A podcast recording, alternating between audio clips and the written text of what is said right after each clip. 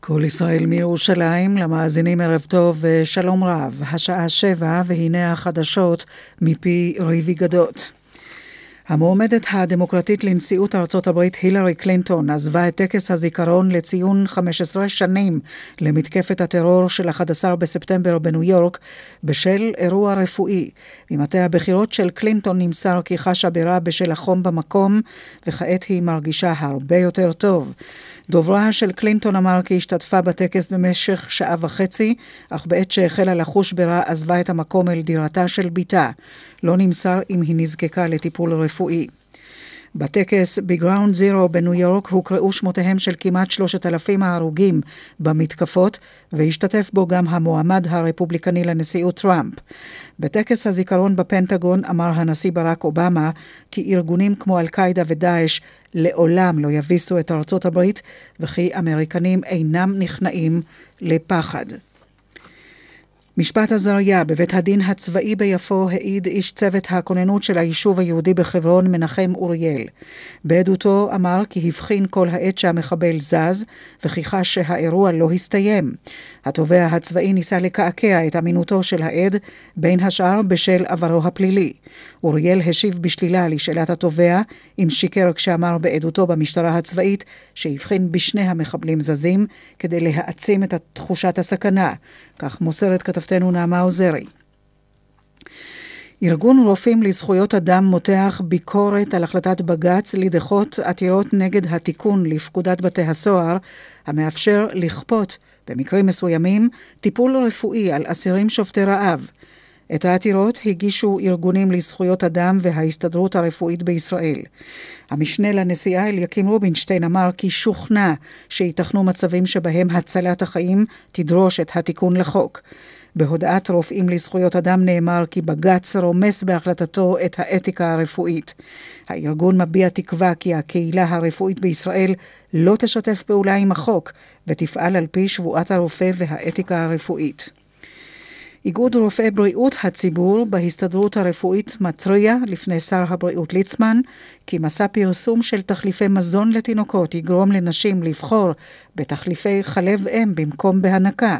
כתבתנו אפרת וייס מוסרת כי באחד ממסעות הפרסום לתחליף חלב אם מבליטים את אישור משרד הבריאות. במכתב לשר ליצמן האיגוד כותב כי ההבלטה הזאת מעודדת את השימוש בתחליף, אף שהמזון הבריא ביותר לתינוק הוא חלב אם. המשחקים הפראלימפיים בריו, ראש הממשלה נתניהו טלפן לברך את החותרת הישראלית מורן סמואל, שהגיעה למקום השלישי בגמר החתירה לאלף מטרים וזכתה במדליית ארד. נתניהו אמר לסמואל כי מדובר בהישג בלתי רגיל וכי היא גיבורה. אנחנו גאים בך בצורה שקשה לתאר. את וחברייך מבטאים את הרוח הישראלית במיטבה, אמר נתניהו, הודה לחותרת הישראלית ואיחל הצלחה למשלחת הישראלית. גם שרת הספורט רגב בירכה את סמואל. שליחנו למשחקים ליאן וילדאו מציין כי בבריכת השחייה עלתה ענבל, סליחה, כי בבריכת השחייה עלתה ענבל פיזארו לגמר 100 מטרים חזה מהמקום הרביעי הכללי. היא גמעה את המרחק בדקה 57 שניות ו-28 מאיות השנייה. הגמר יהיה הלילה. עורכת החדשות קרין גורדן בר-אור, התחזית מיד.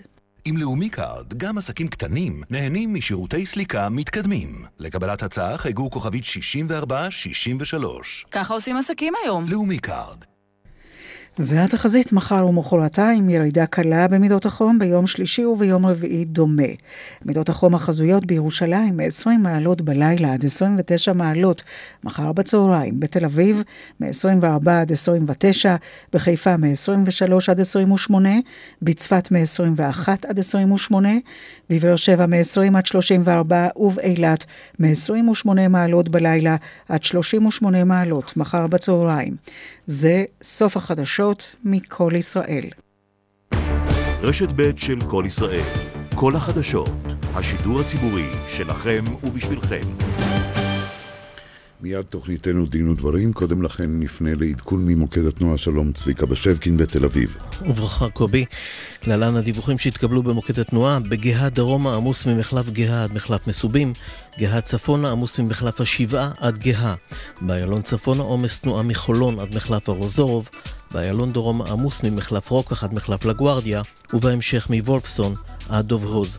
הרשות הלאומית לבטיחות בדרכים מזכירה לכם הנהגים להאט בקרבת בתי ספר, גנים ושכונות מגורים. כוכבי 9550 מכל מכשיר נייד, כאן מוקד התנועה, סעו בזהירות, ערב טוב.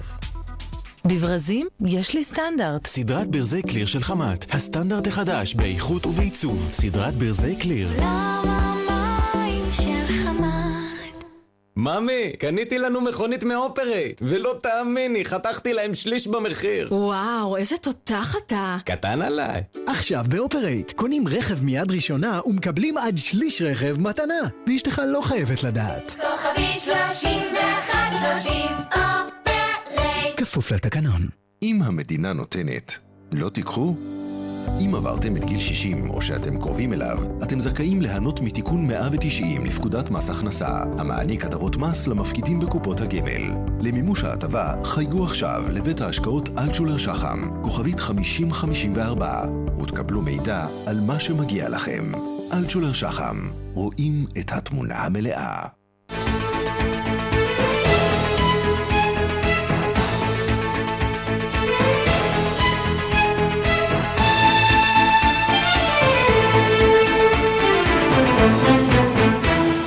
דין ודברים על חוק ערכים ודמוקרטיה ומה שביניהם עם משה נגבי. שלום לכם מאזינות ומאזינים, ערב טוב, עורכת התוכנית יורית ברקאי בהפקת דפנה אברהם, הטכנאי שלנו משה לוי. באולפן משה נגבי וקובי ברקאי. מיד נתייחס כאן למעצר ראש עיריית נתניהו ומקורביה, וגם לפרסומים סביב חקירת חשדות השחיתות הקשורים לראש הממשלה. כיצד השפיע פיגוע מגדלי התאומים ממש היום לפני 15 שנים על המגבלות האתיות על הלוחמה נגד הטרור בכלל ונגד טרור המתאבדים בפרט. באולפנינו חתן פרס ישראל והוגה הקוד האתי של צה"ל פרופסור אסא כשר, נשוחח איתו על כך וגם על ההתפתחויות במשפט אלאור עזריה, המחלוקת סביב החזרת גופות מחבלים, וגם החלטת בג"ץ להכיר בחוקתיות חוק ההאזנה בכפייה של אסירים שובתי רעב. באולפן דוקטור תהילה שוורץ אלטשולר, מנהלת המרכז לערכים ולמוסדות דמוקרטיים במכון הישראלי לדמוקרטיה, ועימה נשוחח על שני מחקרים חדשים ומרתקים שפרסם המכון, על הצנזורה הצבאית ועל שידורים ישירים ומוקלטים מבתי המשפט. מאורחנו עורך הדין דוקטור רונן דליהו, יושב ראש הפורום לדיני משפחה בלשכת עורכי הדין, נשמע על לקחים ראשונים מיישום החוק שהטיל חובת גישור לפני משפט בתחום הזה. אבל אנחנו פותחים כאמור בחותרות השחיתות הפוליטית בשבוע החולף. משה, בבקשה. כן, קודם כל כמובן המעצר של ראש עיריית נתניה, שכמו שאנחנו יודעים, גם ההצהרה, גם מעצר חלק מהחשודים האחרים, הוארך היום בבית המשפט. אני חושב שהמאזינים שלנו, ולא רק הם, כבר יודעים שהשלטון המקומי הוא שורש פורה, ראש ולענה. אפשר לומר מבחינת שחיתות, וגם הסיבות ידועות. כולנו מכירים את האמרה, כוח נוטה להשחית. אני חושב שאין אדם שיש לו כוח להעשיר בעין אנשים יותר מראש עיר, במיוחד בתחום הנדל"ן, בגלל השליטה, המעורבות, ההשפעה במוסדות תכנון, במתן רישיונות בנייה, זכויות בנייה, וכולי. חוץ מזה, המצב העגום הוא עדיין ששומרי הסף בשלטון המקומי, שנועדו למנוע את השחיתות, הם מוחלשים ביחס לשלטון המרכזי. אם בשלטון המרכזי לפחות מבקר המדינה, היועץ המשפטי לממשלה, הם עצמאיים ובלתי תלויים בדרגים הפוליטיים, בשלטון המקומי המצב הוא הפוך. לא רק שהם לא בלתי תלויים, הם חלק מהמנגנון, הם עובדים של הרשות המקומית, הם כפופים לראש הרשות, במידה רבה הוא גם קובע אם הם יועסקו או לא יועסקו, אם כי בתחום הזה יש אי אלו מגבלות. צריך גם להזכיר בהקשר הזה את שיטת הבחירות בשלטון המקומי, אותה בחירה ישירה שתודה לאל, לטעמי, ירדנו ממנה במישור הארצי, שמחלישה גם את הכוח של המועצה לפקח על אותו ראש רשות או ראש עיר. וחוץ מזה יש לנו בעיה כמובן שהיא בעיה לא רק בשלטון המקומי של אתיקה ירודה. ופה אני אזכיר שהמשנה ליועץ המשפטי לממשלה, עורכת הדין דינה זילבר, עמדה בראש צוות שרק לאחרונה פרסם המלצות לגבי אתיקה בשלטון המקומי, אבל כשאני רואה מה קרה בשלטון המרכזי בנושא הזה, ותכף נשמע על כך גם את פרופסור כשר, אז אני די סקפטי אם יצא מזה משהו. הכותרת השנייה כמובן, קובי, זה אותם פרסומים שכבר הזכרת סביב מה שקרוי בדיקה, והוא בעצם חקירה בכל אותן פרשיות שקשורות בראש הממשלה. הייתה כותרת בסוף השבוע של ערוץ 2 על כך שהחשד שנבדק כרגע המרכזי זה בקשת שוחד מצד ראש הממשלה. אני כמובן לא יודע אם זה נכון, אבל אם זה נכון, זה כמובן דבר שאי אפשר להפריז בחומרתו. כבר הזכרנו פה, שוחד זה פשע השחיתות החמור ביותר, בית המשפט העליון כינה אותו אבי אבות הטומאה, אבל הייתה עוד קודם, ועד עכשיו זה לא הוכחש בעצם, ידיעה שמדאיגה אותי לא פחות, אותו פרסום של גידי וייץ בהארץ, גידי וייץ כתב חוקר מוערך מאוד בעיניי, לשם הגילוי הנאות הייתי בוועדה שהמליצה לתת לו את פרס סוקולוב אה, בשנה שעברה.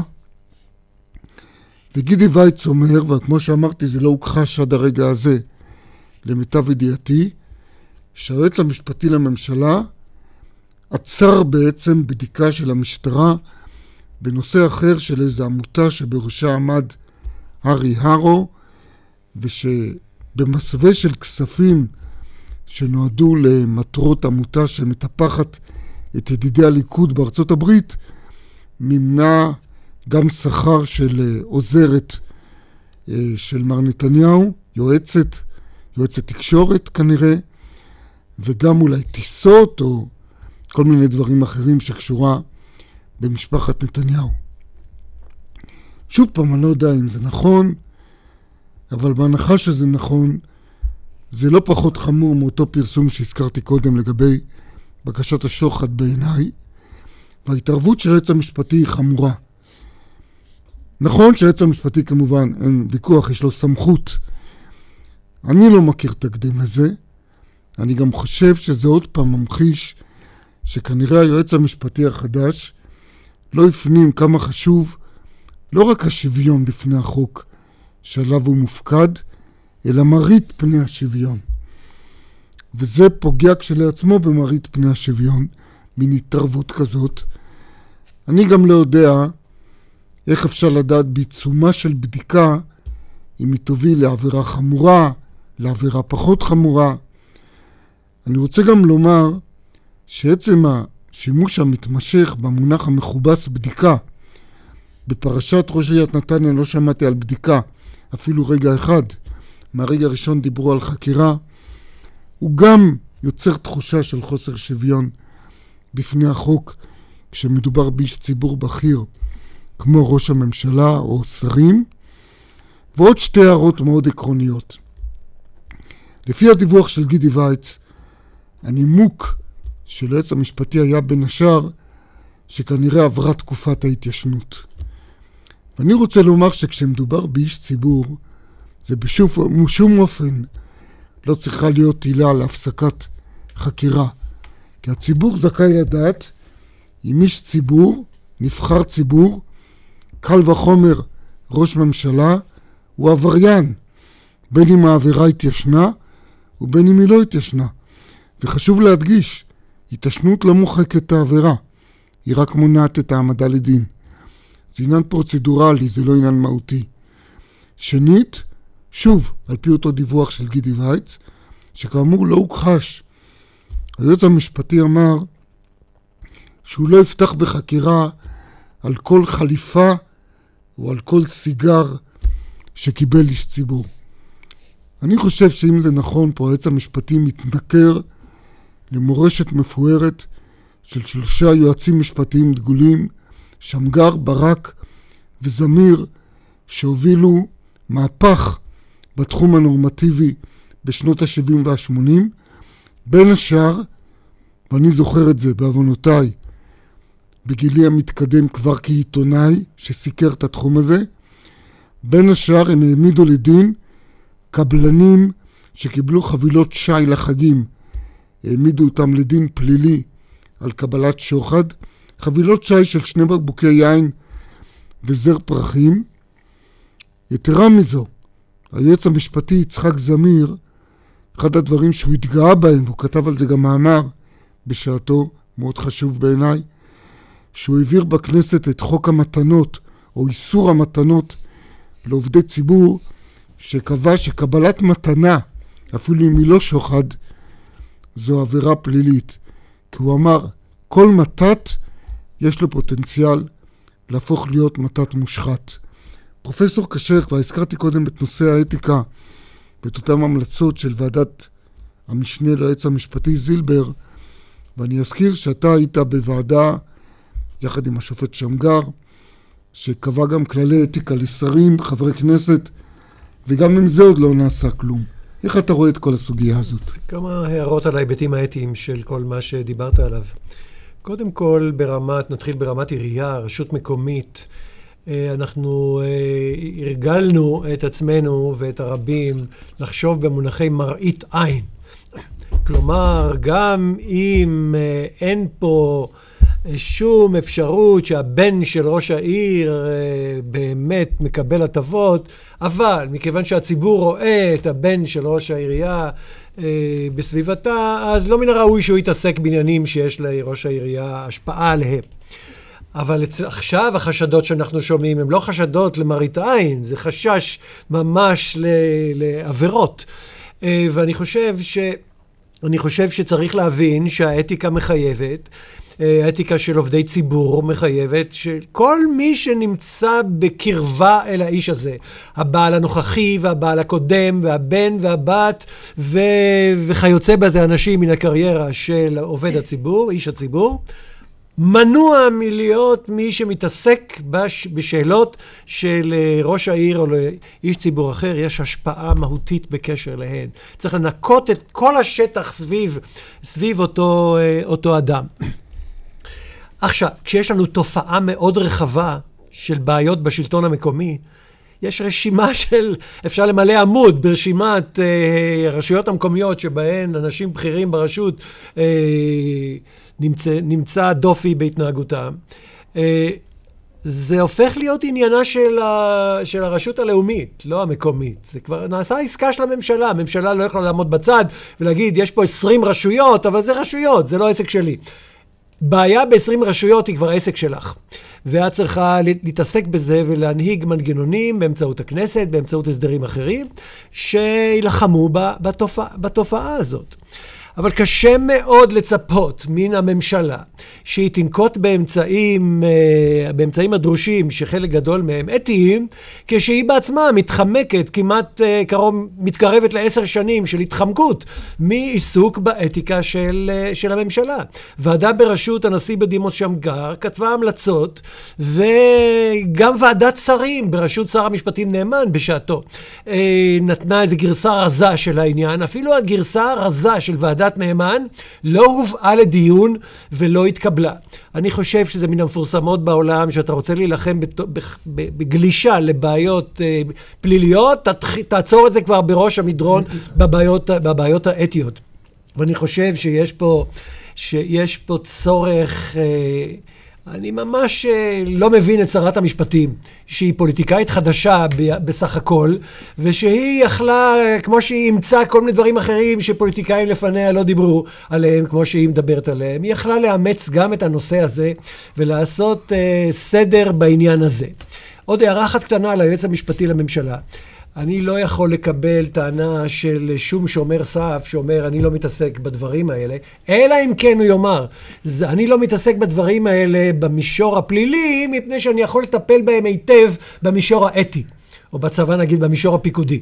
אבל אני לא מתעסק בדברים האלה, וגם אף אחד אחר לא יתעסק בדברים האלה, זאת הערה שאי אפשר לקבל. אנחנו עוד uh, נחזור uh, ונשמע ממך על עוד ועדה שהיית חבר בה ושעכשיו uh, נמצאת על הפרק, אבל ניתן קודם לדוקטור תהילה שוורץ אלטשולר לומר כמה מילים בנושא הזה שאנחנו מדברים בו על אתיקה ומוסר. רציתי להוסיף אולי עוד, עוד היבט, דיברנו כאן על התרבות הפוליטית והאתיקה, ללא ספק הן חשובות, אבל חסרה, חסר לי כאן עוד מרכיב, וזה המרכיב של השקיפות. אה, ואולי אפילו של הטכנולוגיה כמקדמת אה, שקיפות. אם חוזרים לצוות אה, שעסק בשחיתות בשלטון המקומי בראשות דינה זילבר, הוא אכן דוח רציני מאוד, עוסק בניסיון למכרז יותר ולהגביר עוד את כוחם של שומרי הסף, אבל כשקראתי אותו הייתה לי תחושה חמצמצה, כאילו הדוח הזה יכול היה להיכתב לפני עשרים שנה, בדיוק כפי שהוא נכתב לפני מספר חודשים. חודשים. לטכנולוגיה יש אפשרות אה, לייצר הרבה יותר שקיפות, שקיפות הרבה יותר עמוקה דווקא בשלטון המקומי. למשל, אה, כל הנושא של שקיפות הטברים, התקציבים הבלתי רגילים ברשויות המקומיות, שם נמצאת השחיתות, כולם יודעים זאת. אל, אלה המכרזים שהרשויות מוציאות החוצה לקבלנים, כל תקציבי הפיתוח, יומני הפגישות של, אה, אה של ראשי הרשויות, הטבע, הטבעים, טבעות אה, אה, הפתוחים. זאת אומרת, כל תוכניות בינוי העיר. אלעדמן הוא זה שבזכותו חשפו למשל את יומני ראשי הערים, אבל כל הדברים האלה, ניהול המידע ברשות המקומית, באוריינטציה של הנגשה שלו לציבור, ללא ספק יכול לתת פה רוח גבית נפלאה אה, לכל הנושא הזה של, של שחיתות. אי אפשר לדבר על שחיתות אך ורק בכלים, הייתי אומרת, של העבר. יש היום כלים הרבה יותר זמינים, וכדאי באמת להשתמש בהם. תודה. אנחנו מציינים היום 15 שנים בדיוק לפיגוע מגדלי התאומים בארצות הברית. פרופסור אסא כשר, חתן פרס ישראל, אבי הקוד האתי של צה"ל. כיצד השפיע הפיגוע הזה על המגבלות האתיות והמוסריות של הלוחמה בטרור? לפני 15 שנים אה, היו מדינות, אה, במיוחד שתיים, שסבלו מטרור. אחת מהן ישראל והשנייה היא הודו. אה, ושתיהן מדינות דמוקרטיות, ושתיהן סבלו אה, מהתופעה הזאת, אבל העולם בכללותו, ארה"ב אה, ומדינות אירופה הדמוקרטיות, כולם ישבו על הגדר והטיפו לנו מוסר. ואמרו לנו שאנחנו מפריזים בשימוש בכוח, אנחנו מגזימים בחומרת התופעה הזאת. למרבה הצער, הם סבלו פיגועי טרור בעצמם, עם אבדות עצומות. אה, גם בארצות הברית וגם אה, באירופה, וגם במקומות אה, אחרים בעולם, ולכן כל היחס לתופעה הזאת השתנה. עכשיו אנחנו לא בעידן של מטיפים לנו מרחוק הטפות שנשמעות מוסריות, אבל הן לא מעשיות. לא מעשיות במובן הזה שהן לא נותנות לנו מקום להגן על אזרחינו, אלא עכשיו... הסדרה של הלחימה בטרור היא בצורה יותר מעשית, בצורה כזאת שאפשר לשמור גם על, גם על חיי האזרחים מצד אחד וגם על עקרונות הדמוקרטיה אה, מצד שני, וזה רעיון המפתח. תהיה אפקטיבי בשמירה על חיי האזרחים ותשמור כל הזמן על כבוד האדם. כבוד האדם של, של כולם. זאת, זאת, זאת המשוואה, זה, זה הצירוף המשוואתי אה, היסודי, והעולם אה, יודע לעשות את זה הרבה יותר טוב מכפי שהוא התבטא בעבר, ואנחנו יודעים לעשות את זה. אני לא אומר שאנחנו עושים את זה בפועל בצורה מושלמת, הנה יש לנו המשפט של החייל הזה. אבל ברמה קונספטואלית של איזה דוקטרינות יש לנו, איזה הוראות פתיחה באש יש לנו, ברמה המושגית, ברמת הערכים, אנחנו יודעים לעשות את זה, ואנחנו דומים מאוד לשאר העולם בנושאים האלה. אני רוצה להצביע על שתיים שלוש נקודות שבהן uh, אנחנו התקדמנו ב-15 השנים האלה. קודם כל, הגדרת הטרור. אה, צריך לזכור שיש, יש, אה, לא יודע, 15 או משהו כזה, אמנות בינלאומיות נגד טרור, אבל נגד איזושהי פינה בטרור. חטיפת מטוס, חטיפת אונייה אה, וכיוצא בזה. אין אמנה אחת כללית של האומות המאוחדות נגד כל תופעות הטרור, למרות שהודו הציעה אמנה כזאת, והציעה הגדרה כללית כזאת, טובה מאוד. אבל החברים של הטרוריסטים הפריעו לזה. היום אני חושב שהגיע הזמן לחזור לרעיון הזה של הודו, מפני שהחברים של הטרוריסטים היום הם כבר כאלה שספגו בעצמם פעולות טרור, והם כבר לא כל כך חברים, חברים שלהם. ההגדרה הייתה שפעולת טרור זה פעולה שנעשית כדי להרוג אנשים או לפגוע בהם, אה, כשהם שייכים לאוכלוסייה מסוימת, ורוצים לפגוע בהם רק מפני שהם שייכים לאוכלוסייה, לאוכלוסייה הזאת, ורוצים לפגוע באוכלוסייה כדי להפחיד אותה, כדי שהיא אה, תשנה את אורחותיה. באותו זמן, לפני 15 שנים, לשנות את אורחותיה, אנשים חשבו במיוחד במונחים של חופש לאומי. היא רוצה חופש לאומי. נו, חופש לאומי זה מטרה מקודשת, נכון? אבל המטרה המקודשת הזאת לא מקדשת את האמצעים. היא בעצמה חיובית, היא בעצמה מוסרית. לי אין אף מילה להגיד נגד חופש לאומי של הפלסטינים, או של הכורדים, או של הבסקים, או של מי שאתה רוצה, שאין לו היום חופש לאומי. אבל לא כל האמצעים כשרים, והטרור הוא אמצעי פסול. עכשיו, הרעיון הזה של uh, המטרה, שהיא כאילו כל כך נעלה, והיא מצדיקה כל מיני אמצעים, אפילו פסולים, היום, נוכח אייסיס, אנחנו לא יכולים... אף אדם ברצינות לא יגיד, לאייסיס יש מטרה נעלה, אז אולי גם מותר לו לבצע פעולות, אה, פעולות אה, טרור. אייסיס, התגלמות השימוש בכוח כדי לכפות את העמדה האידיאולוגית הפרטית שלך, זה לא למען משהו שהוא מוסכם, כמו חופש לאומי, הגדרה עצמית, אלא זה משהו לגמרי בתוך התמונה, התמונה שלך. אנחנו, בהגדרה של אה, עמוס ידלין ושלי, כשכתבנו על הנושאים האלה, אז אנחנו אמרנו, דרך אגב, שפעולה נגד חיילים גם יכולה להיות פעולת טרור. פעולה שנעשית נגד חיילים מחוץ לשדה הקרב, או מחוץ לאיזשהו הקשר שהוא ממש מקטין את הכוח הצבאי, פוגע באפשרות אה, להשיג את המטרות הצבאיות, היא, היא, גם, היא גם טרור. וזה היה בהגדרה של הודו. זה היה גם בהגדרה, בהגדרה שלנו. למשל חטיפת חייל. ו... בחופשה, סתם, משהו נכון, כזה. חטיפת חייל מהרחוב בחופשה זה לא, זה, זה, זה טרור. יש התקדמות עצומה ב, באמצעים שמשתמשים בהם בלחימה אה, בטרור.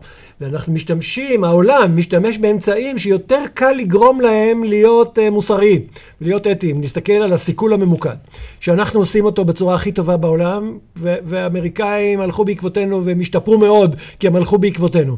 אנחנו ממש יוצאים מגדרנו להקטין את הנזק האגבי הצפוי. יש לנו מחלקה של אנשים שהם מתמטיקאים וסטטיסטיקאים ואנשי מחשבים, שעושה סימולציות של כל הדרכים האפשריות לפגוע באיש הזה, שמוכרחים לפגוע בו כי אי אפשר לתפוס אותו ומוכרחים לעצור אותו, כדי להקטין ככל האפשר את הנזק האגבי, ואנחנו אה, לא הגענו לאפס, כי אי אפשר כנראה להגיע לאפס, אבל הגענו לסביבותיו של האפס, וגם האמריקאים אה, מתקרבים, אה, מתקרבים לאותו מקום.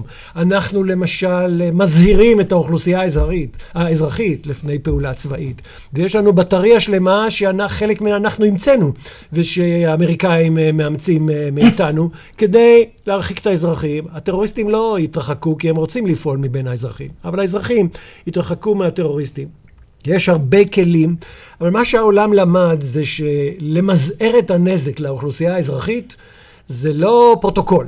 שאתה עשית שני דברים ויצאת ידי חובתך. זה צריך מאמץ מתמיד לעוד שיטות ועוד שיטות ועוד שיטות. אנחנו השתמשנו גם בשיטות של מלחמת העולם השנייה, כרוזים ודברים כאלה, וגם המצאנו את הקש בגג, והמצאנו את הטלפונים שאנחנו מטלפנים אה, לכל האנשים שם. נקודה נוספת שבתוכנית הזאת, שיש לה ככה זווית משפטית, צריך להזכיר, המשפט הבינלאומי, אה, שאמור אה, בענייני מלחמה להנחות אותנו, הוא... אה, תפ... אני חושב שכל העולם מבין את זה, למרות שמשפטנים לא כולם יגידו את זה. הוא תפס עכשיו את המעמד של רוח, רוח הנורמות. זה לא הנורמות, אלא זה הרוח שלהם. אנחנו צריכים לשמור על הרוח הזאת, כי היא רוח נכונה, למזער את הנזקים, להבחין בין אזרחים לחיילים אה, וכולי וכולי. אבל אתה לא יכול באמת לפעול על פי הנורמות האלה, שבפרטי הפרטים שלהם נועדו למלחמה של צבא ענקי מול צבא ענקי. הדוגמה הקיצונית הכי טובה, יש לנו היום טרור גם בתחום הסייבר. אוקיי? ועכשיו, כל הניסיונות. להגיד ללוחמי סייבר, כמו שקוראים להם, לאנשי סייבר, את ההתנהלות שלהם, הפרטנית, אה, לנהל על פי עקרונות המלחמה, הוא מגוחך. הוא פשוט מגוחך. אין, אין, אי אפשר להתחיל ממש לעשות אפליקציה כזאת. אם רוצים לשאול את השאלה, התקפת סייבר על מדינה, האם היא באמת מצדיקה מלחמה או לא, נגיד, תקפו כל רשות השידור, כל ערוצי הטלוויזיה והרדיו הושבתו על ידי ההאקרים. אז זה עילה למלחמה? שם אפשר להשתמש בכללים המפורסמים, בכללים היותר ישנים. אבל איך בדיוק מותר, מה בדיוק אסור? במשפט אחד אני אגיד, דיני המלחמה לא נותנים מקום לריגול ולסבוטאז'ה. הם, אה, הם משאירים אותה, הם לא אומרים שזה פשע מלחמה מצד אחד, והם לא עושים אה, רגולציה שלהם מצד שני. תעשו את זה, כולם עושים את זה, ואם הוא ייתפס, אז ישפטו אותו לפי הדין המקומי, לא לפי הדין הבינלאומי. אה, ואני חושב שכל סיפורי הסייבר הם דומים לסיפורי לסיפורי אה, הריגול והסבוטאז'ה. עוד משפט אחד אני רוצה להגיד. מושג אחד שיש לנו בדיני המלחמה, ובתורת המלחמה הצודקת הפילוסופית שקדמה לדין הבינלאומי ביותר מאלף שנים. יש לנו מושג אחד שבלחץ הנסיבות אנחנו הולכים ומחדדים אותו כל הזמן, וזה מידתיות. הרעיון שאתה משווה את התועלת הצבאית מצד אחד לנזק האגבי הצפוי מצד שני, הוא רעיון שהדין הבינלאומי שם אותו בידי המפקדים, הוא רעיון מאוד מופשט ודי ארטילאי, ומוכרחים לעשות בו סדר, ואני חושב שלאט לאט נעשה בו סדר. והיום המפקדים יודעים על זה יותר ממה שידעו לפני 15 שנים. נדמה לי שזה לא מנותק. אה, בהקשר הזה לדבר על המשפט של אלאור עזריה, שגם הוא חלק מהדילמה המוסרית של מלחמה בטרור. איך אתה רואה פרופסור כשר, שוב, בתור מי שכפי שקובי ציין, הגה וכתב את הקוד האתי של צה"ל? אני סומך, ש... אני סומך על התחקירים של המפקדים, שנעשו מיד, ועוד אפילו לפני הסרטון של בצלם. אני, אני סומך עליהם. ומפני שתמיד יש מסלול פיקודי שהמפקדים מסיקים מסקנות בתחקירים, כדי שבפעם הבאה שזה יקרה, ואירוע כזה מהסוג של היה בחברון יכול עוד חצי שעה לקרות עוד פעם ועוד יומיים לקרות עוד פעם. אני, אני סומך עליהם שהם לומדים מהר כדי לתקן מהר. ואין ספק שמתוך מה שהם אה, למדו על האירוע הזה, הם הסיקו את המסקנה שהחייל הזה נהג אה, בניגוד, ל... לא בצורה לא מקצועית, אבל נניח לזה, גם בצורה לא אתית. לא על פי ערכי צה"ל, יש חצי, חצי ערכי צה"ל, הוא, הוא פגע בהם בהזדמנות, אה, בהזדמנות הזאת. אבל מה שחלק גדול מהציבור לא מבין, זה שהמסלול הפיקודי הזה, שבו מגיעים למסקנה שמישהו לא פעל על פי האתיקה של המקצוע שלו, הוא נבדל מה, מהמסלול הש, המשפטי. זה שיש בית דין צבאי שדן באפשרות שהחייל הזה עבר על, על החוק, זה, זה לא צריך להשתיק אותנו ול, ולמנוע מאיתנו להגיד, ההתנהלות הזאת היא איומה ונוראה, זה פגע בערך חיי אדם, זה פגע בערך טוהר הנשק, זה פגע בעוד חצי תריסה ערכים, ואסור להשלים עם זה וצריך, וצריך לחנך בכיוון, בכיוון ההפוך. המסלול הפיקודי הוא בלתי תלוי במסלול המשפטי. זה מתעסק באתיקה וזה מתעסק במשפט, אלה שתי מערכות נורמטיביות שונות, יש קשרים ביניהם, אבל הם לא צריכים להפריע לאף אחת מהן לעשות את, את מלאכתה. פרופסור כשר, אנחנו עוד רוצים לנצל את uh, עובדת שהותך כאן באולפן לעוד כמה דברים שממש על סדר היום, אבל הזמן מחייב אותנו לתת עכשיו הפסקת פרסומת קצרה. Sunday.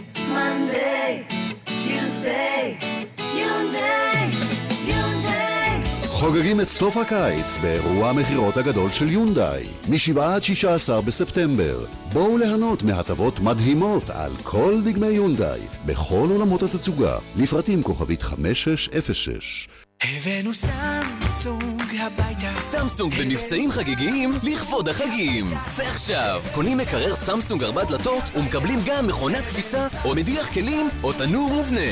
כפוף לתקנון, סאמליין, היבואן הרשמי. סובלת מנשירת שיער? בואי לאבחון מיקרוסקופי בהר קליניק. 90% הצלחה בטיפול בנשירת שיער. התקשרי עכשיו, מעבדות הר קליניק, כוכבית 2646. ממי, תתחדשי, אילו כיריים יפות, וואו! כמה עלה? שקל. מה? שקל. שקל שקל? כן, שקל שקל. עכשיו ברשת סוויץ' קונים מוצרי חשמל לחג במחירים מטורפים ובוחרים מוצר שני בשקל. טלוויזיות לד, כיריים, מיקסרים ועוד, הכל בשקל אחד. חפשו בגוגל סוויץ', רשת חנויות חשמל פרטיות. שקל. הופה, טורנדו במבצע. מבצע מטורף בטורנדו. מזגן עילי כוח סוס אחד מבית טורנדו בדירוג אנרגטי A חסכוני בחשמל, רק 1,190 שקלים. וגם חמש שנות אחריות מורחבות. הכמות מוגבלת, רוץ מהר לפני שיגמר. טורנדו, מזגן איכותי לחיים. עכשיו בביג בוקס, לקנות ולא להאמין. גם מגוון מוצרי חשמל ואלקטרוניקה ללא מע"מ, וגם עד 5,000 שקלים בתווי קנייה למותגי קבוצת גולף. על כל 1,000 שקלים מקבלים 200 שקלים בתווים. ביג ביג בוקס. כפוף לתקנון. בגיל מסוים מתחילים כאבים. גם לי, דלי קבוליניץ, התחיל פתאום כאב ברכיים בלתי נסבל. מתרופות אני נמנע. למזלי, הרופא שלי המליץ לי על אפוסטרפיה. הקשיבו היטב, חודשיים לאחר הטיפול באפוסטרפיה, כאב הברכיים נעלם. אז אם כואב לכם, חפשו בגוגל אפוסטרפיה, או התקשרו עוד היום, כוכבית 2767. הבדיקה חינם, למה אתם מחכים? אפוסטרפיה. כוכבית 2767. עכשיו בביג בוקס, לקנות ולא להאמין. גם מגוון מוצרי חשמל ואלקטרוניקה ללא מע"מ, וגם עד 5,000 שקלים בתווי קנייה למותגי קבוצת גולף. על כל 1,000 שקלים מקבלים 200 שקלים בתווים. ביג ביג בוקס. כפוף לתקנון. מחפשת דאודורנט יעיל לאור רגיש? תסמכי על הדוקטור, דוקטור אור. דוקטור אור פיתח גם דאודורנט בלי אלומיניום המתאים לאור רגיש. את סדרות מוצרי דוקטור אור לטיפול ולטיפוח פיתחו רופאי אור. ועכשיו במבצע, כל מוצרי דוקטור אור ב-30% הנחה. תסמכי על הדוקטור, דוקטור אור. שליטת המוח בגוף נקראת ביפן נוריוקו. באמצעות המוח שולטים היפנים בלחץ הדם, בהאצת חילופי חומרים, בשריפת השומנים. זו גם הסיבה לכך שהיפנים אוכלים יותר מאיתנו ונשארים רזים. כאן נמרוד גוברין, נמאס לכם להילחם במשקל? בואו ללמוד את הסוד היפני. בשישה מפגשים ובליווי צמוד, תרדו במשקל בלי דיאטה. חפשו בגוגל, הסוד היפני. הסוד היפני. או התקשרו, 1-800-60-10-60. אני צריך תנור. תחשוב אלקטרולוקס. וגם כיריים איזו שנה מתחילה? חבל"ז. מה? סוזוקי פותחת את השנה חבל"ז. בואו ליהנות ממחירים אטרקטיביים, טרייד-אין המרה ותנאי אשראי לכל דגמי סוזוקי בכל אולמות התצוגה. המבצע עד 23 בספטמבר. סוזוקי, בחירה חכמה. כוכבית 9955. אספקה לחג כפוף לתקנון. אני צריך תנור. תחשוב אלקטרולוקס. וגם כיריים גז. תקנה. חוויות באבשלום, באבשלום, מכון אבשלום, מכון אבשלום, לימודים באבשלום. מכון אבשלום, המוביל בלימודי ארץ ישראל. לקבלת ידיעון והרשמה, חייגו כוכבית 5292. ממי, תתחדש! איזו טלוויזיית לד מדהימה! וואו! כמה עלה? שקל! נו באמת. שקל! שקל שקל? כן, שקל שקל! עכשיו ברשת סוויץ' קונים מוצרי חשמל לחג במחירים מטורפים ובוחרים מוצר שני בשקל. טלוויזיות לד, קריים, מיקסרים ועוד, הכל בשקל אחד. חפשו בגוגל סוויץ', רשת חנויות חשמל פרטיות. מחפשת קרם anti aging יעיל נגד קמטים? תסמכי על הדוקטור, דוקטור אור. דוקטור אור פיתח גם את רטיניו פלוס, קרם לחות מחדש נגד קמטים המכיל רטינול, זוכה פרס מוצר השנה 2016. את סדרות מוצרי דוקטור אור לטיפול ולטיפוח פיתחו רופאי אור. ועכשיו במבצע, כל מוצרי דוקטור אור ב-30% הנחה. תסמכי על הדוקטור, דוקטור אור.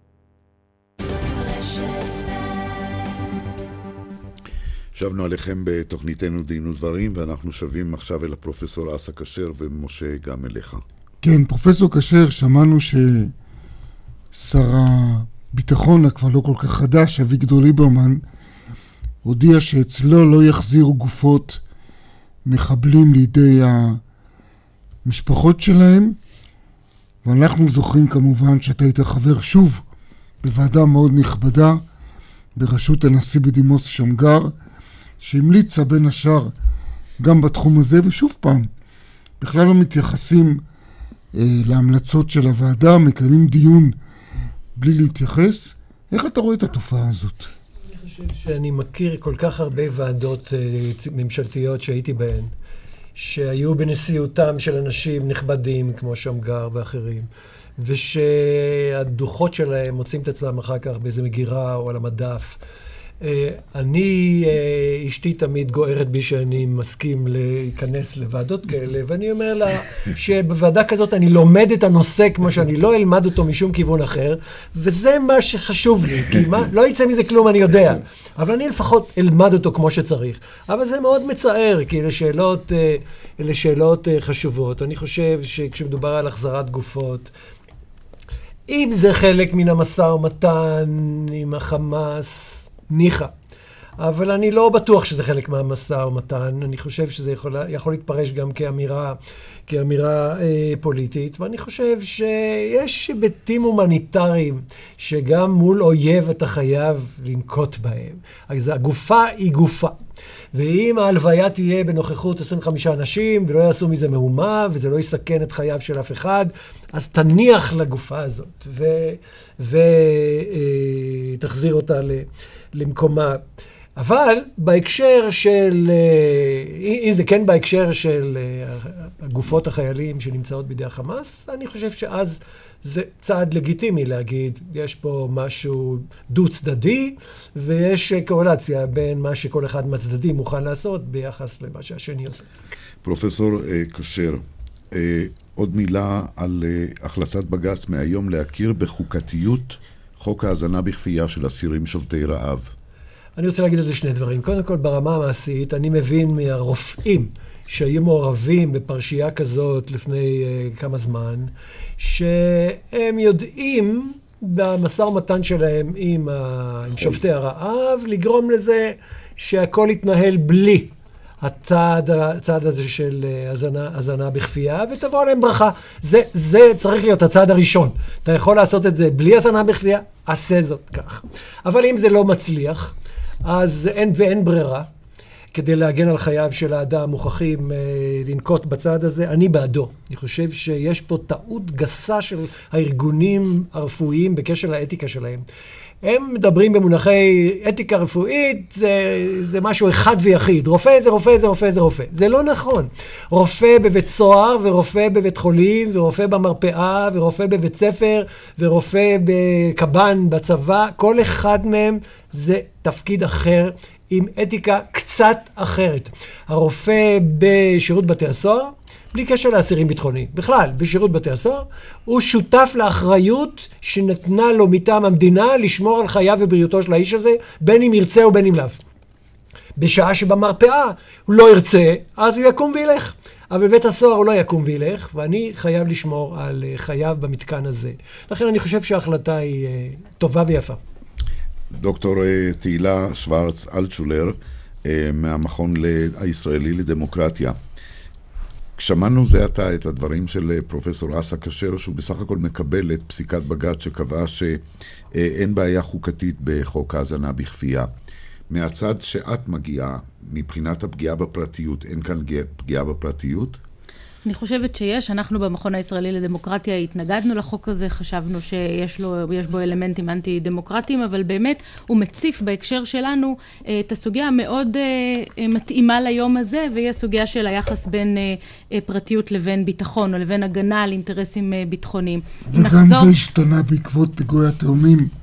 בצורה מאוד דרסטית. בדיוק, אז אם נחזור באמת לעובדה שאנחנו נמצאים היום ב-9-11, אמ, מה שאחד הדברים הראשונים שעשתה הממשלה האמריקנית אחרי אה, אסון התאומים היה לחוקק חוק שנקרא The Patriot Act, אה, חוק הפטריוט, אה, שהיה בעצם חוק שהרחיב מאוד את היכולת של רשויות אכיפת החוק האמריקניות לאסוף מודיעין בתחומי ארצות הברית, לווסת עסקאות פיננסיות שהיה חשש שהן קשורות לטרור, להרחיב את שיקול הדעת של רשויות הגירה הגירה אה, אה, למיניהן, אבל באמת הדבר המעניין אה, הוא היכולת שנתן החוק הזה לארגוני הביון השונים להתחיל לדבר אחד עם השני, או אלה עם אלה. אה, זה היה הלקח הגדול שנלמד אה, אה, מאסון התאומים, שהרשויות לא דיברו אחת עם השנייה, אבל כתוצאה מזה, ואת זה למדנו רק בדיעבד, אחרי שאדוארד סנודן הדליף בעצם מה קורה בתוך ה-NSA, בתוך ה-National Security Authority האמריקני, היום אנחנו יודעים שבעצם נוצר שם מפעל הריגול הגדול ביותר בהיסטוריה. עכשיו, אנחנו אוהבים לומר שבדמוקרטיה, גם ב... ב, ב בדרך שבה אנחנו מסדרים את זכויות האדם, הזכות לחופש ביטוי למשל היא זכות עליונה, מדוע? מפני שהיא תנאי מוקדם למימושן של כל הזכויות האחרות. אני חושבת שבעולם דיגיטלי צריך לומר את אותו הדבר על הזכות לפרטיות. הזכות לפרטיות הופכת להיות בעצם תנאי מוקדם למימוש כל הזכויות האחרות. בלי פרטיות אפשר לעקוב אחריי, אפשר לייצר מלכודות אוטונומיה, אפשר לגרום לי מאוד מאוד לחשוש מלהתבטא.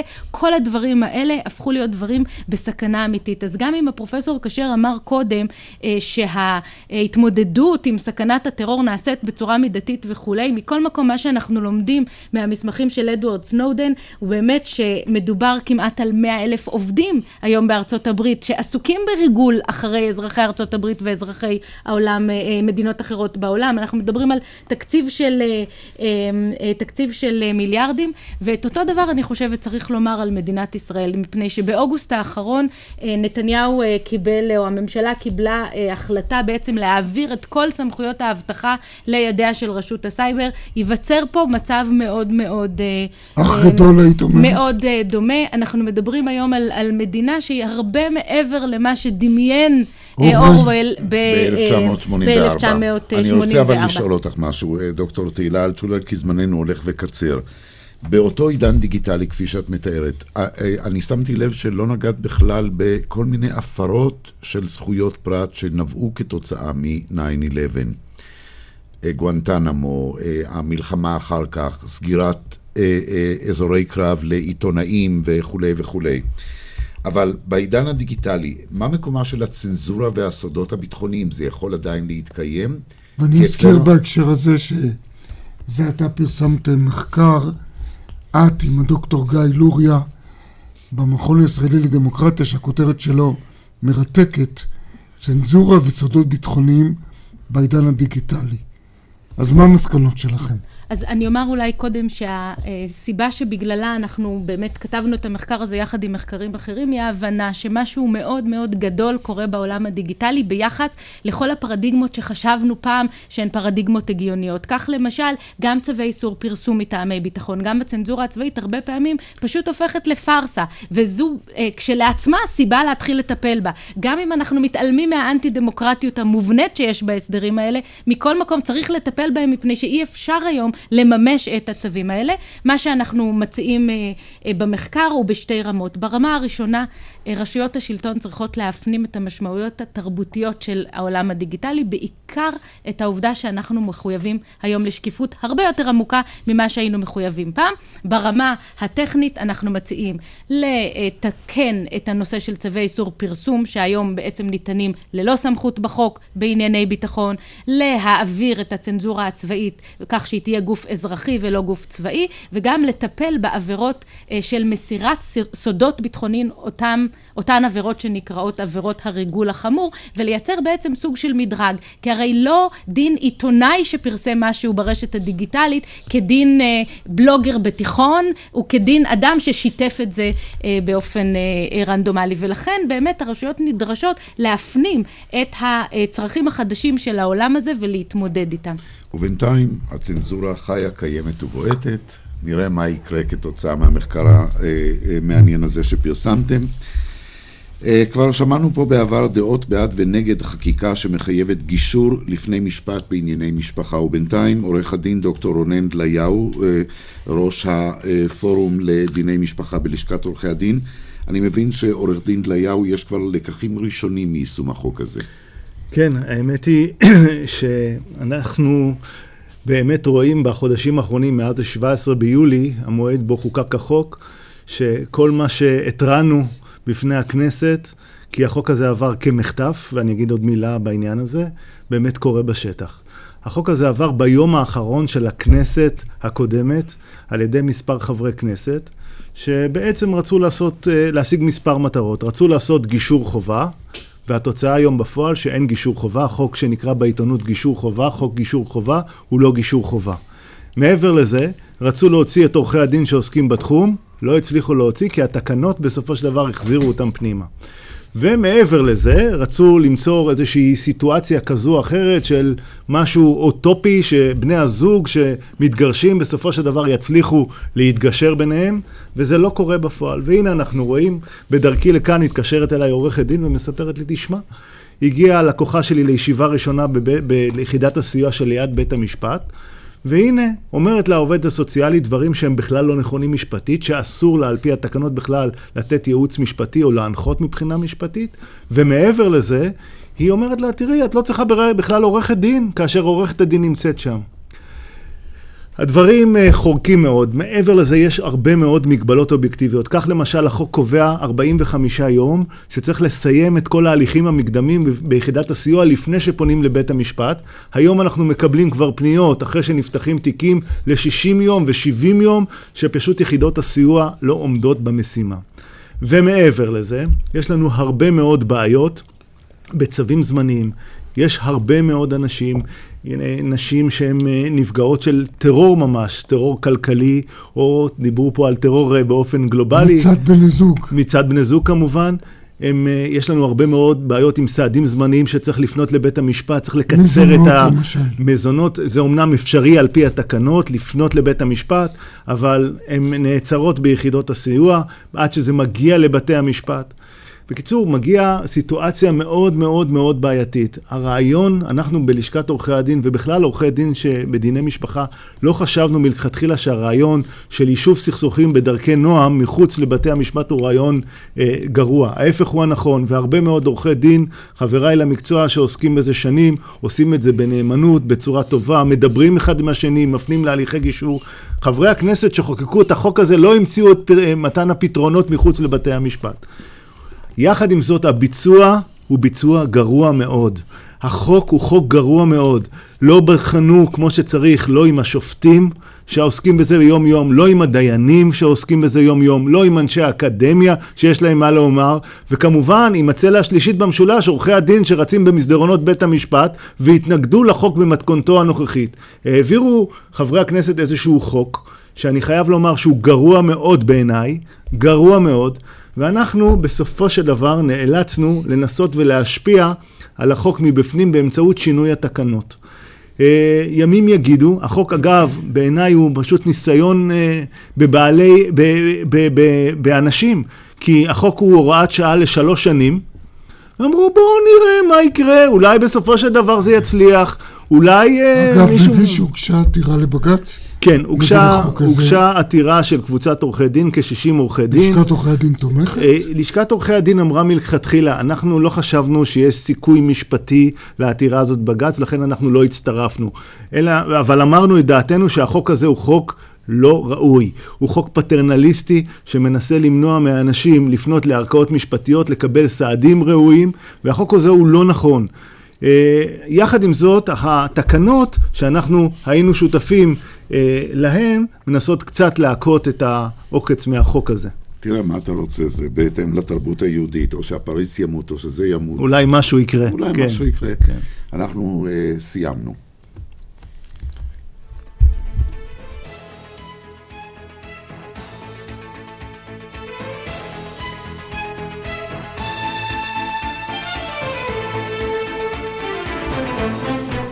תודה רבה לפרופסור אסא כשר, לדוקטור תהילה שוורץ אלטשולר ולדוקטור רונן דליהו, לעורכת התוכנית אורית ברקאי, למפיקה דפנה אברהם, לטכנאים שלנו משה לוי ואריאל מור, באולפן היינו משה נגבי וקובי ברקאי, ניתן להזין לתוכנית באתר רשת ב' וביישומון כל ישראל.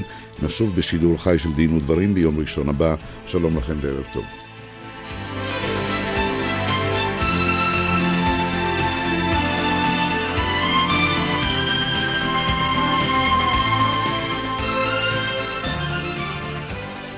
בברזים יש לי סטנדרט. סדרת ברזי קליר של חמת, הסטנדרט החדש באיכות ובעיצוב. סדרת ברזי קליר. למה מים של חמת?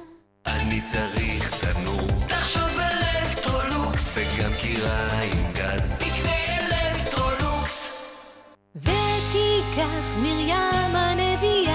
שלום, כאן בת אלה, ואני שמחה לארח ביום שני הקרוב באמפי קיסריה את חגיגות 40 שנה לחינוך טלי בישראל. טלי, תגבור לימודי יהדות, פועלת ב-300 בתי ספר וגני ילדים ומקדמת חינוך יהודי פלורליסטי ציוני וערכי סובלנות ואחדות בקרב דור העתיד. טלי, כי יש יותר מדרך אחת להיות יהודי. כי גאוגה הבאנו סמסונג הביתה. סמסונג במבצעים חגיגיים לכבוד החגים. ועכשיו, קונים טלוויזיה סמסונג 49 אינץ' ומעלה, ומקבלים גם טלוויזיה סמסונג 40 אינץ' שבמבצע בתוספת 1,190 שקלים בלבד. כפוף לתקנון, סאמליין, היבואן הרשמי. שלום, אני שיר, בת 24, וגם אני סבלתי מנשירת שיער. כל מה שניסיתי לא עזר. עד שהגעתי למעבדות Hair Clinic, ושם זיהו את הגורם לנשירה. מאז הנשירה נעצרה, והשיער שלי שוב מלא. סובלת מנשירת שיער? מעבדות Hair Clinic מזמינות אותך לאבחון מיקרוסקופי לשיער ולשיקומו. Hair Clinic, 20 שנות ניסיון ו-90 אחוזי הצלחה בטיפול בנשירת שיער. התקשרי עכשיו, כוכבית 2646, או חפשי בגוגל Hair Clinic. דיור מוגן או להישאר לבד בבית? רגע לפני שאתם מחליטים, אני מזמין אתכם לחמישה ימי אירוח ברמה של חמישה כוכבים בדיור המוגן שלנו, בית גיל פז בכפר סבא. מה צריך לעשות? להתקשר, לבוא, להכיר אותנו, לקבל דירה מרוהטת, להתרווח, ליהנות מכל פעילויות התרבות, מהבריכה, מהחוגים ומהארוחות המפנקות. לי אין ספק שתרצו להישאר. לאירוח מלא בגיל פז בכפר סבא התקשרו 1-700-55-70-80 הבאנו סמסונג הביתה. סמסונג במבצעים חגיגיים לכבוד החגים. ועכשיו, קונים מקרר סמסונג ארבע דלתות ומקבלים גם מכונת כביסה או מדיח כלים או תנור מובנה. כפוף לתקנון, סאמליין, היבואן הרשמי. עכשיו בלוטו 20 מיליון שקלים, ובדאבל לוטו 40 מיליון שקלים. לוטו, מה יסדר לך את החיים? שנה הלכה שנה. תעצרו הכל! ה-7 סייל של שברולט חוזר. שבעה ימי מכירות לכבוד החגים. ועכשיו, שברולט ספארק החדשה מ-54,900 שקלים. 11 עד 18 בספטמבר. שברולט. אדם חכם קונה בעלם. גם מגוון מוצרי חשמל ואלקטרוניקה ללא מע"מ. כן, ללא מע"מ. וגם עד 5,000 שקלים בתווי קנייה לקבוצת גולף. על כל 1,000 שקלים מקבלים 200 שקלים בתווים. אדם חכם קונה ב... כפוף לתקנון. הופה, טורנדו במבצע. מבצע סוף עונה אטרקטיבי במיוחד בטורנדו. מזגן טורנדו אינוורטר כוח סוס אחד בדירוג אנרגטי A שחוסך לכם עד 50% בצריכת החשמל עכשיו במחיר של מזגן רגיל. רק 1,770 שקלים עם חמש שנות אחריות מלאות בטורנדו. הכמות מוגבלת, רוץ מהר לפני שיגמר. טורנדו, מזגן איכותי לחיים. במוצאי יום העצמאות ה-69 למדינת ישראל יוענקו פרסי ישראל לשנת תשע"ז לאישים על הצטיינות והישגים למופת. אפשר להגיש מועמדות עד יום חמישי, ב' במר חשוון, התשע"ז, 3 בנובמבר 2016. לפרטים נוספים אפשר לפנות ללשכת הממונה על פרסי ישראל במשרד החינוך, בטלפון 02-560-4719 או באמצעות אתר משרד החינוך. נגמר המצבר? תסתכלו על הפלוס! מבצע מדהים באוטודיפו! קונים מצבר ורטה או שנאפ ויכולים לזכות בסיטרואן קקטוס מתנה! בואו לאוטודיפו ותוכלו לצאת עם רכב חדש! אוטודיפו, חסכת נסעת! כפוף לתקנון ההגרלה. אני צריך תנור. תחשוב אלקטרולוקס. וגם קירה עם גז. תקנה אלקטרולוקס. נגמר המצבר? תסתכלו על הפלוס! מבצע מדהים באוטודיפו! קונים מצבר ורטה או שנאפ ויכולים לזכות בסיטרואן קקטוס מתנה! בואו לאוטודיפו ותוכלו לצאת עם רכב חדש! אוטודיפו, חסכת נסעת! כפוף לתקנון ההגרלה. מחפשת קרם anti-aging יעיל נגד קמטים? תסמכי על הדוקטור, דוקטור אור. דוקטור אור פיתח גם את רטיניו פלוס, קרם לחות מחדש נגד קמטים המכיל רטינול, זוכה פרס מוצר השנה 2016.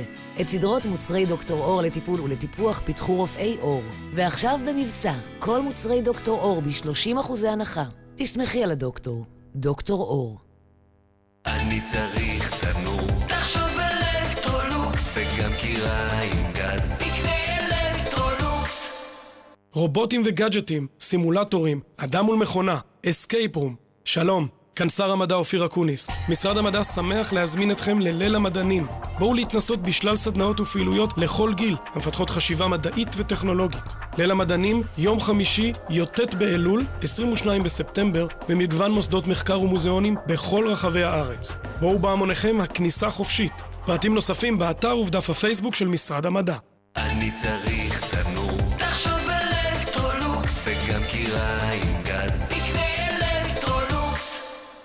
כשאתם מאוגדים, אתם חזקים. ההסתדרות מזמינה אתכם להצטרף לתנופת ההתאגדות ולקחת שליטה על החיים שלכם. יחד, יש לנו כוח להשפיע, לייצר ביטחון תעסוקתי, לצמצם פערים חברתיים ולהוביל שינוי חברתי אמיתי. רוצים לדעת עוד? היכנסו לאתר ההסתדרות או חייגו כוכבית 2383. ההסתדרות, יחד בשבילך.